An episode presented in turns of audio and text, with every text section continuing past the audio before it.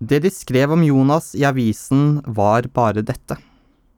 Åtteåring savnet i fire døgn. Den åtteårige Jonas Andreassen er meldt savnet fra sitt hjem i Trondheimsveien. Han ble sist gang sett tirsdag.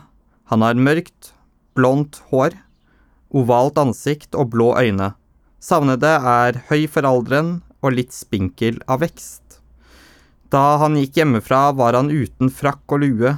Han var iført grå knickers og en tykk, blå genser. Han hadde med seg en lang kjede av hønseringer. Det antas at han har gått i retning av havnen. Som man kan se, så var det ikke stort de skrev. Skulle man gjøre det mer nøyaktig, måtte man si Jonas var nokså blek. Han hadde den hvite, litt fuktige huden som bybarn ofte har. Han hadde kolde hender og snakket helt bakerst i munnen, nesten nede i halsen. Han var alltid velkledd i pene, rene og litt landlig konfeksjonsklær, men hovedsaken ved ham var det forgremmede uttrykket, noe som satt omkring øynene og nesen på han, og som man ikke så sjelden ser hos barn. Det ser ut som om man har tatt noe fra dem, og som om forurettelsen er blitt sittende fast i ansiktet deres. På det tidspunktet da Jonas ble borte, må dette uttrykket ha vært meget sterkt. Men selv ved blikket var der ikke noe i veien med. Han så helst ned, og når han var sammen med voksne, løftet han blikket, var det helt sunde, åtteårige øyne som så opp, luftige og fjerne. Det begynte slik at Jonas, som kom på skolen som andre barn, og hans liv fikk alvor fra det dette øyeblikk av, og dette alvoret holdt seg. Dette her er eh, introduksjonen av en av eh, norgeshistoriens mest berømte romaner, og også en av de mest innflytelsesrike romanene. Dette er, eh, som du kanskje skjønner, ut ifra navnet på hovedkarakteren, romanen Jonas av Jens Bjørneboe. En roman som utkom i 1955. Den som snakker, det er Kamerat E, og nå i dag så spiller vi inn for første gang en episode av Bøker og blomster i Bråkmakerens nye podkaststudio på Uffa i Trondheim. Vi tenkte jo litt og vi diskuterte litt hvilken bøker som kunne passe seg å ha på agendaen. Og en av de bøkene som eh, kom meg i huet når jeg tenkte på skolestart og den tiden høsten representerer for veldig mange, er romanen Jonas. En roman om skolen og skolevesenet. En roman om eh, barn, oppvekst, men også en roman om pedagogiske metoder og hva som kanskje ikke fungerer like bra innenfor skolen. Det er en viktig roman som belyser også grunnleggende trekk ved samfunnet vårt utover skolen.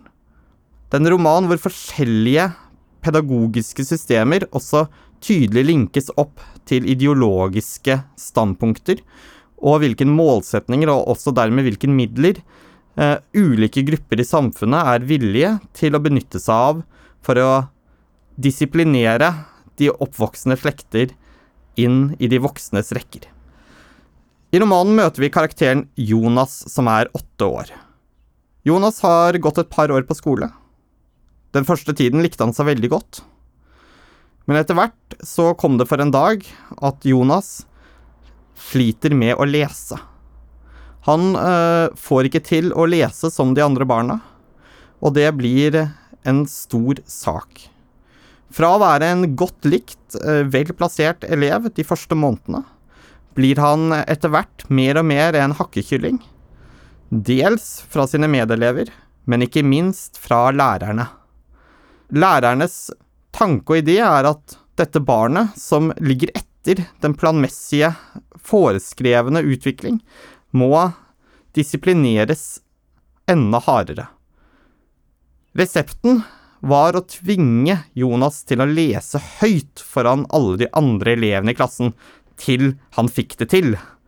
Resultatet var vel snarere tvert imot at det ikke virket veldig bra. For Jonas er dette ille.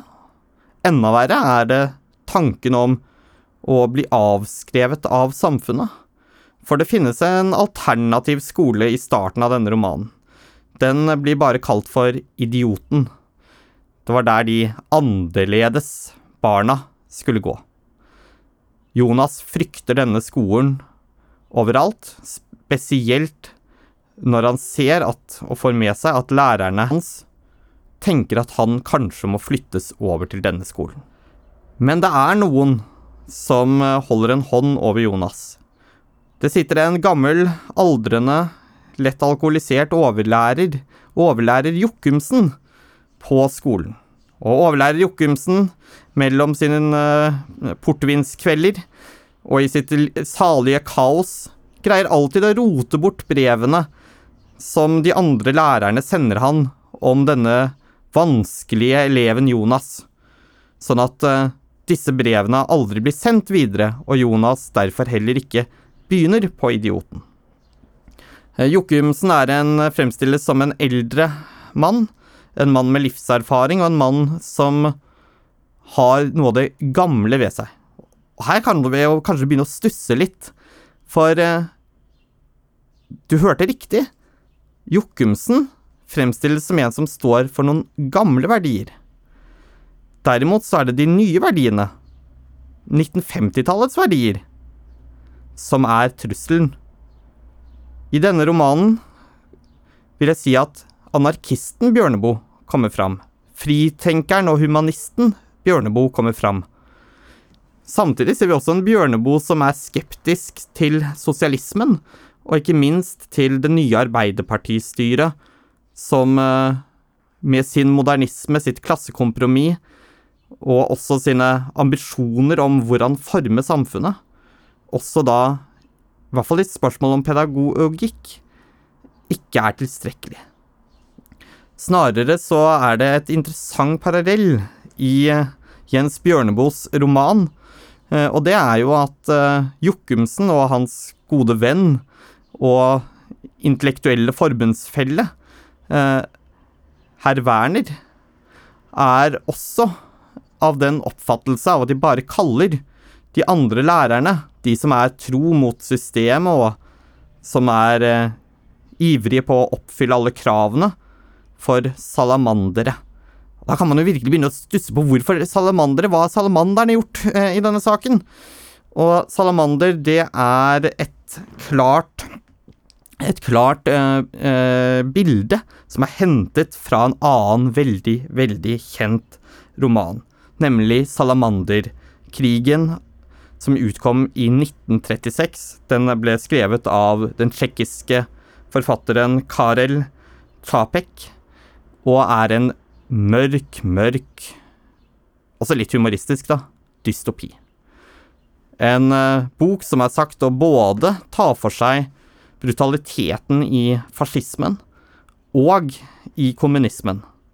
En bok som også viser det inadekvate i kapitalismen. Med andre ord en uh, ganske heftig dystopi. Og når da begrepet salamander eh, brukes såpass flittig i Jonas som den, det gjør, så er dette den romanen vi må ha i bakhodet. Det er et bånd mellom Karel Čapeks roman og Bjørneboes.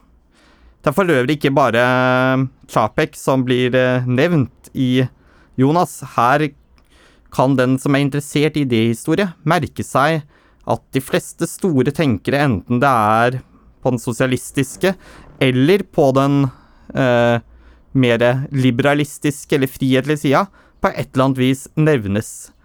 Her nevnes eh, meget flittig f.eks. Nietzsche, men også mange referanser til Karl Marx. Faktisk er det jo en av karakterene i boken som også bærer navnet Marx. Og vedkommende som bærer det navnet, er tysker. Eller var vedkommende polakk? I hvert fall var vedkommende fra Berlin. Og det er også en ting som kunne virke rart, og sikkert også meget provoserende i 1955, når boken kom ut, er at mange av heltene i denne boken, de ser mot Tyskland.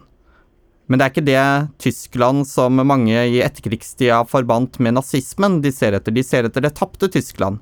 Det Tyskland som var intellektuelt, som var fritenkende, som var dristig og utfordret konvensjonene før nazismen kom og satte et punktum for det hele.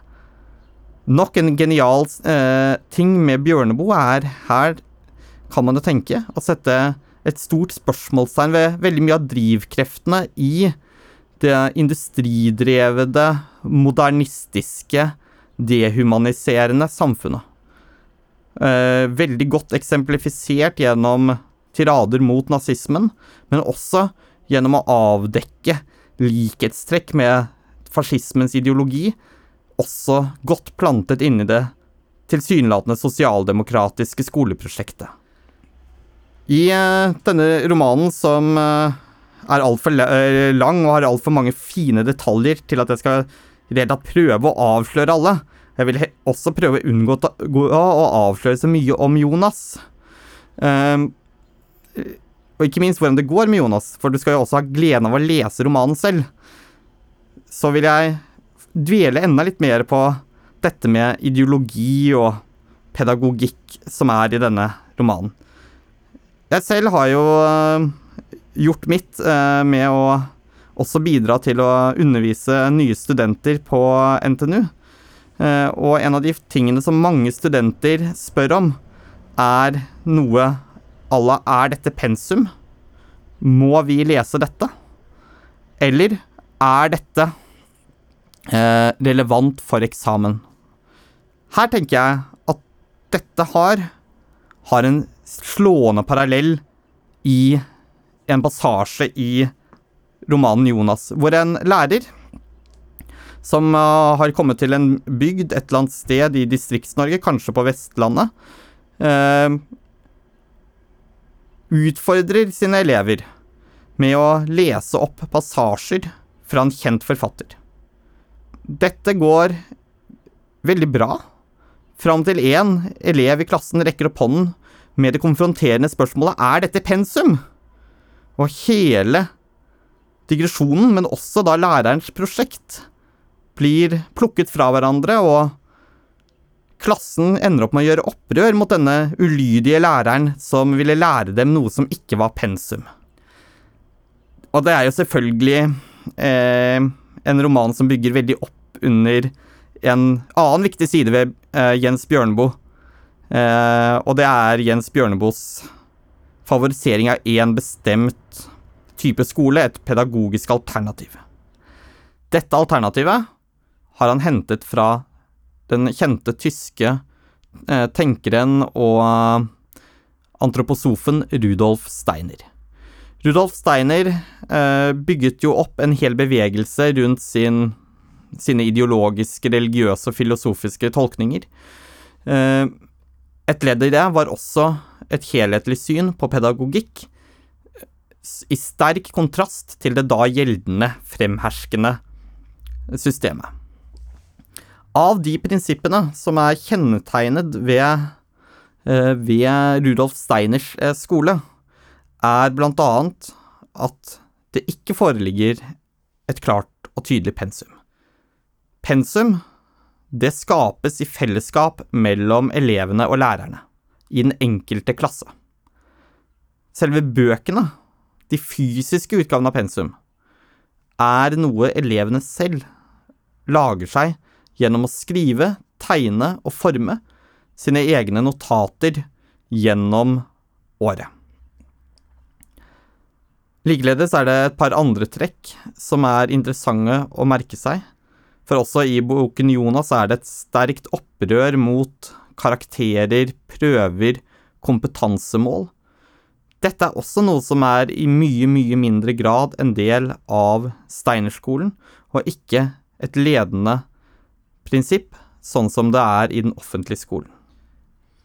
Videre så er det også andre ting i romanen Jonas som ikke, ikke bare antyder, men i stor grad peker i retning av denne alternative skoleformen, som først hadde sitt opphav i Tyskland. Blant annet ser vi hvordan teater, formgivningsfag, alternative, kreative løsninger også er en del av det som presenteres som et alternativ til en skole preget av pugging, ydmykelse og hierarki. Det handler om å ta mennesket på alvor, og um, når du leser Jonas, så er det ikke tvil om hvilken side du instinktivt ønsker å holde med. Bjørneboe har her vært ganske så kompromissløs, sånn som han ofte er. Eh, noen ville kanskje mene at Bjørneboe er for overdreven ensidig i sin måte å organisere eh, eh, boken på, med så klare protagonister og antagonister.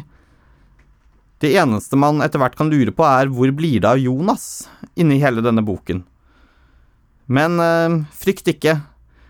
Mellom lange passasjer og digresjoner så møter du Jonas igjen og igjen, og du ser hvordan Jonas reagerer og responderer på forskjellige skolesystemer. Og uh, uten å avsløre for mye, så kan vi vel si at den offentlige skolen ikke kommer fram som den mest favoriserte av Bjørneboe. Vi skal her heller ikke glemme at Bjørneboe selv uh, var aktiv i det antroposofiske miljøet, altså miljøet rundt steinerbevegelsen i Norge. Enda mer, han jobbet en periode også på Steinerskolen i Oslo, eh, hvor han han bl.a. var sløydlærer. Og så kan man jo lure på hvorfor en av Norges mest fremste lærere var underviste akkurat i sløyd. Og det er en lang og komplisert historie. Dels har det også med å gjøre at Steinerskolen tilbake i den tid hadde andre måter å tenke på når det kom til kompetanse, Eh, hos sine lærere enn det vi ser ofte i den veldig formalistiske skolen i dag. Det er øvrig en del andre artige ting som man godt kan legge merke til i eh, Bjørneboes roman.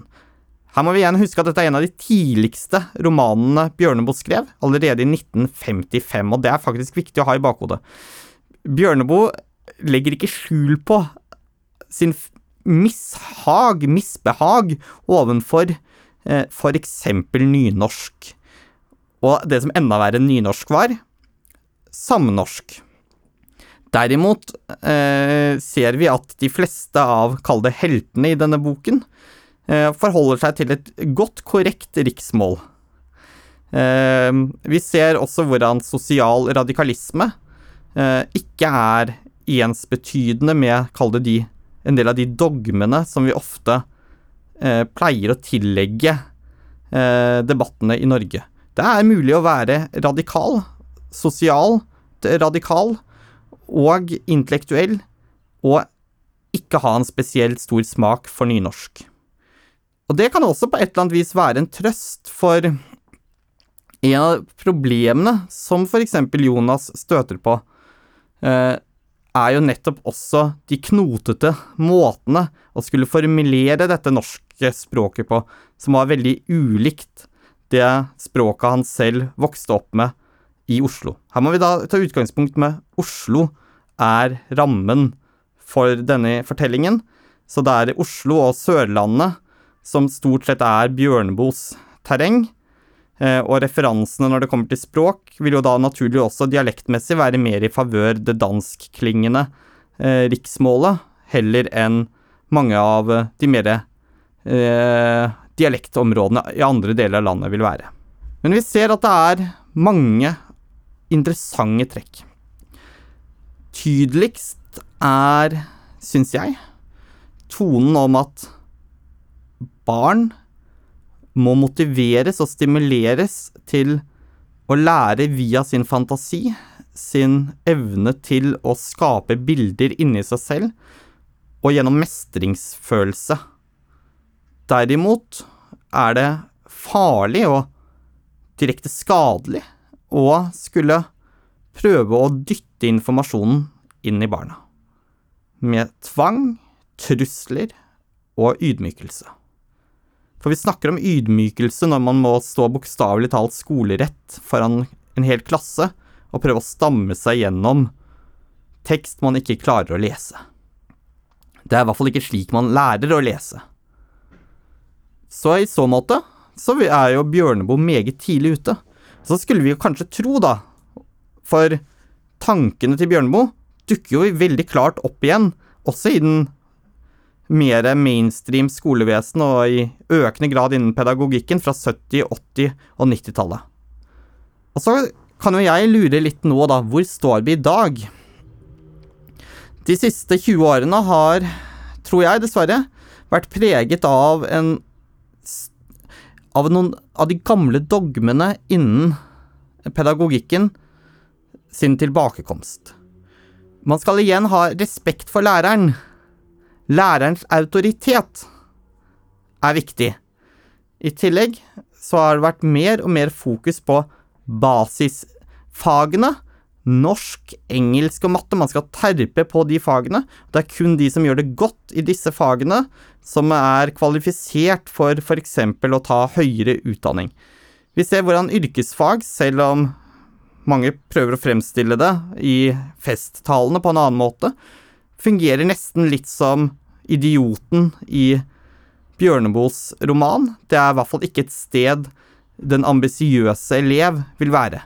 Ambisjoner, karriere, er det som er drivende for utdanningssystemet. Det som er drivende for skolen i dag. Det er min tolkning. Vi ser samtidig at den skolen Bjørneboe trekker fram, altså Steinerskolen, eh, med sin vektlegging på det kreative, det frie, det at fa lærerens faglighet i møte med elevene i den enkelte klassen sammen skal da kunne lede til en vekst hos den enkelte elev, er veldig, veldig langt unna det som er realiteten i dagens norske klasserom. Snarere tvert imot ser vi at det er et ønske, også fra mange av elevene og studentene, om å ha tydeligere prøver, tydeligere presiseringer av læreplaner, tydeligere pensum. Det er jo også det jeg selv tidligere nevnte, at jeg har opplevd eh, i mitt virke på NTNU. Og jeg synes det er synd. For jeg tror at vi nettopp i dag, i en tid hvor vi må utfordre mange av de måtene vi har tenkt samfunnet vårt på, og drevet samfunnet vårt på i den moderne perioden, den kapitalistiske, industrialiserte perioden, så må vi også ha et skolesystem som bygger opp til kritisk tenkning, til at man selv i større grad må kunne organisere sine egne tanker. Så i Jonas så møter du selvfølgelig Jonas. Du møter også det norske skolesystemet, og du møter det radikale alternativet til det norske skolesystemet. Jeg vil si at uh, enten ideologien er Arbeiderpartiets ønske om å utdanne unge, dyktige sosialdemokrater for velferdsstaten, eller om det er Høyres ønske om lydige arbeidstakere til industrien og næringslivet, eller dems begges behov for byråkrater som forholder seg til staten og er lojale mot staten og kapitalen, eh, så tenker jeg at vi må Behovet er der for en friere utdanning. En opplæring i tråd med den enkelte. Og at det ikke bare er noe som kan komme gjennom festtaler eller veldig ressurssterke foreldre, men bør være noe som er et tilbud mer for alle. Bjørneboe skrev sin roman lang, lang tid før noen hadde kommet opp med diagnoser som Asperger og ADHD, før noen hadde begynt seriøst å ta for seg tematikken med lese- skrivevansker og dysleksi. Men allikevel ser vi jo at de allerede før den tid hadde muligheter til å kunne gripe inn. men de valgte også bevisst å ikke gjøre det. Akkurat som vi i dag, tror jeg, bak en del av diagnosene og hjelpelærere og, og andre former for såkalt tilrettelegging, fortsatt mangler å tenke skolen som en universelt tilrettelagt eh, institusjon. Og jeg tror problemet ligger mye i mål, målet for skolen, hvorfor vi har skolesystemet. Og det er kanskje der jeg føler at Bjørneboe sin brannfakkel fortsatt gløder. Og det er nettopp det store spørsmålet hva skal vi egentlig med skolen? Hva vil vi med skolen? Hvor vil vi at skolen skal gå? Og da tenker jeg at det er også viktig å ha i bakhodet eh, tanken om både de heroiske gamle radikalerne som eh, Eh, som prøver å hjelpe Jonas, men også de som står imot, salamanderne. Og så kan vi jo prøve å tenke hvem er salamanderne i dagens Utdannings-Norge? Hvem er salamanderne i samfunnet vårt i dag? Du har nå hørt en podkast i serien Bøker og blomster. Eh, den veldig snakkesalige fyren som har rantet om skole, det, ja, det er meg, og du kan kalle meg kamerat E. Stor takk til Felix for teknisk eh, hjelp med innspillingen av denne podkasten og redigering. Og også en takk til Bråkmakerens nye, eh, jeg holdt på å si platestudio, men i hvert fall lydstudio, her på Uffa.